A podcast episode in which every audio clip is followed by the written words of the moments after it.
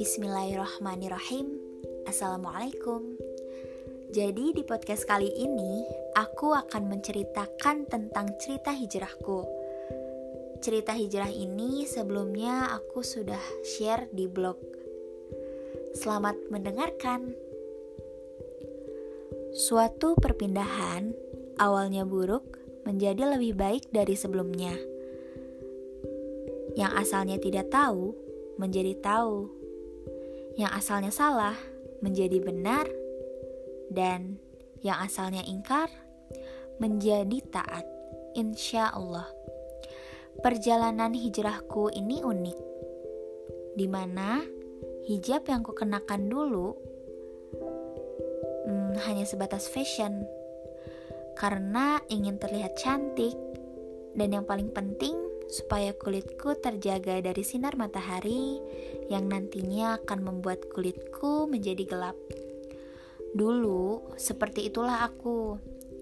Tahu kewajiban untuk menutup aurat tanpa aku tahu.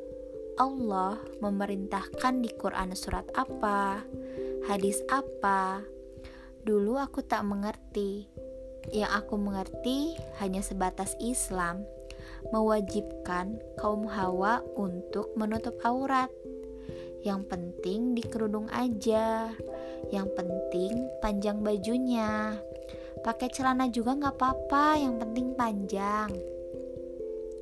Karena terbatasnya ilmu dan belum paham mengapa kita harus mengenakan hijab syari, sempat berpikir kayak ibu-ibu karena waktu itu jarang melihat remaja berhijab syari dan gak ada ketertarikan. Seiring berjalannya waktu, Qadarullah dipertemukan remaja yang hanya beda satu tahun, lebih dewasa dariku.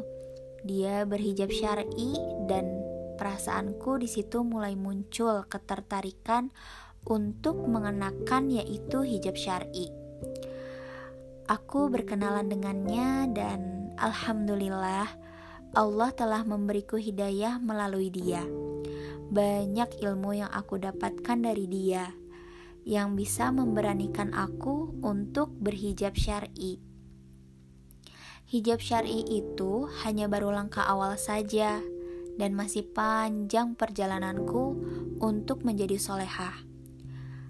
Semakin aku terus memperbaiki diri, Walaupun ilmu yang aku punya sangat-sangat sedikit, tetapi aku harus terus berusaha. Di perjalanan hijrahku sering aku temui kefuturan, tetapi aku semangat lagi. Alhamdulillah.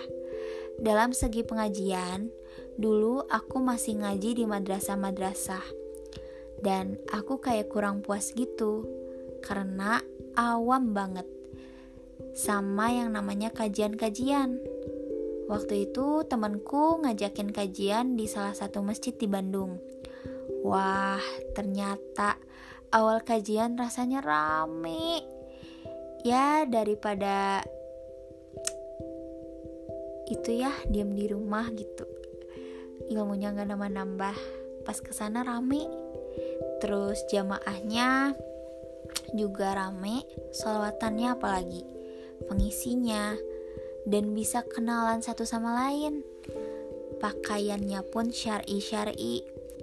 Namun lama-kelamaan aku merasa nggak begitu tertarik lagi untuk kajian di sana. Karena ya ada faktor-faktor lah yang membuat aku waspada. Jadi aku memutuskan untuk tidak datang lagi ke kajian tersebut. Mungkin kayak hampir jeda satu tahun aku jarang kajian-kajian lagi ke sana. Waktu itu sibuk sama ujian kelas 9. Sampai tibalah kelas 10 aku mengikuti Rohis yang baru-baru bisa sharing-sharing sama teman-teman di sana. Seiring berjalannya waktu, aku berkenalan dengan ya seorang laki-laki di sosial media awalnya temenku ngepost foto gitu ngepost lah foto di Instagram uh, kebetulan foto kelompok gitu dan dia ngetek aku. Akhirnya dia nge-DM aku laki-laki tersebut. Ternyata laki-laki tersebut itu teman SMP temanku yang ngepost di Instagram. Qadarullah, aku bisa mengenalnya. Yang kurasa dari segi ilmu sih dia kelihatan paham banget sama agama. Dan kata temanku dia juga soleh. Tapi hati-hati, katanya suka baperin. Namun aku seperti menyepelekan soal baper itu. Ah kalau mau ya aku mah gak baperan. Seiring berjalannya waktu, aku agak risih sama dia karena dia suka nge-share banyak akun dakwah di DM. Baik memang, tetapi kayak niat banget karena hampir tiap hari dia nge-share. Hmm, aku hanya bisa bilang terima kasih. Tetapi lama-kelamaan dia nge-share. Ya makin-makin uh, antara baper sama ilfil gitu. Dia sering nge-share kayak tentang nikah-nikah. Alhasil uh, biar ngerasain ya apa yang aku rasain. Jadi aku feedback aja ke dia nge-share yang gituan. Skip aja ya, soalnya banyak aib. Kenapa dia termasuk ke cerita hijrahku? Karena dia itu yang sudah merubahku menjadi lebih baik. Aku merasa terbimbing walaupun hanya lewat tulisan. Dia selalu menasihatiku, dia selalu cerewet, itu membuat aku terbiasa dengan sikap dia karena aku tahu dia peduli. Seperti halnya kajian salafus solih ahlu sunnah wal jamaah. Ada notif. Kajian yang benar itu gimana? Dan lain-lain. Aku banyak tahu dari dia. Sampai terpikir mengapa harus dia? Mengapa harus dia yang merubahku menjadi kayak gini gitu? Lebih baik dari sebelumnya. Mengapa Intinya qadarullah. Semua itu karena Allah. Tapi pada akhirnya aku gak berhubungan lagi dengannya karena aku baru menyadari ini adalah ujian.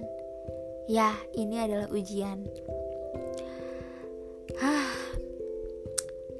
Tetapi alhamdulillah di satu sisi aku bisa tahu banyak hal darinya. Dan sekarang aku menjadi tahu mengapa wanita benar-benar harus menjaga diri. Agar kita tahu menjadi mahal dan gak sembarangan dimiliki itu butuh waktu dan butuh kesadaran. Mulai sekarang, insya Allah aku harus terus memperbaiki diri dan memantaskan diri karena Allah. Banyak hal positif yang bisa aku kerjakan Bahagia itu sederhana. Bahagiaku hanya menjadi solehah. Udah, cukup itu aja. Hmm, mungkin ini hanya sekilas cerita aja. Dan baru awal dari cerita hijrah. Um, terima kasih untuk Allah yang telah mewarnai perjalanan hijrahku. Alhamdulillah. Sekian dan terima kasih. Assalamualaikum warahmatullahi wabarakatuh.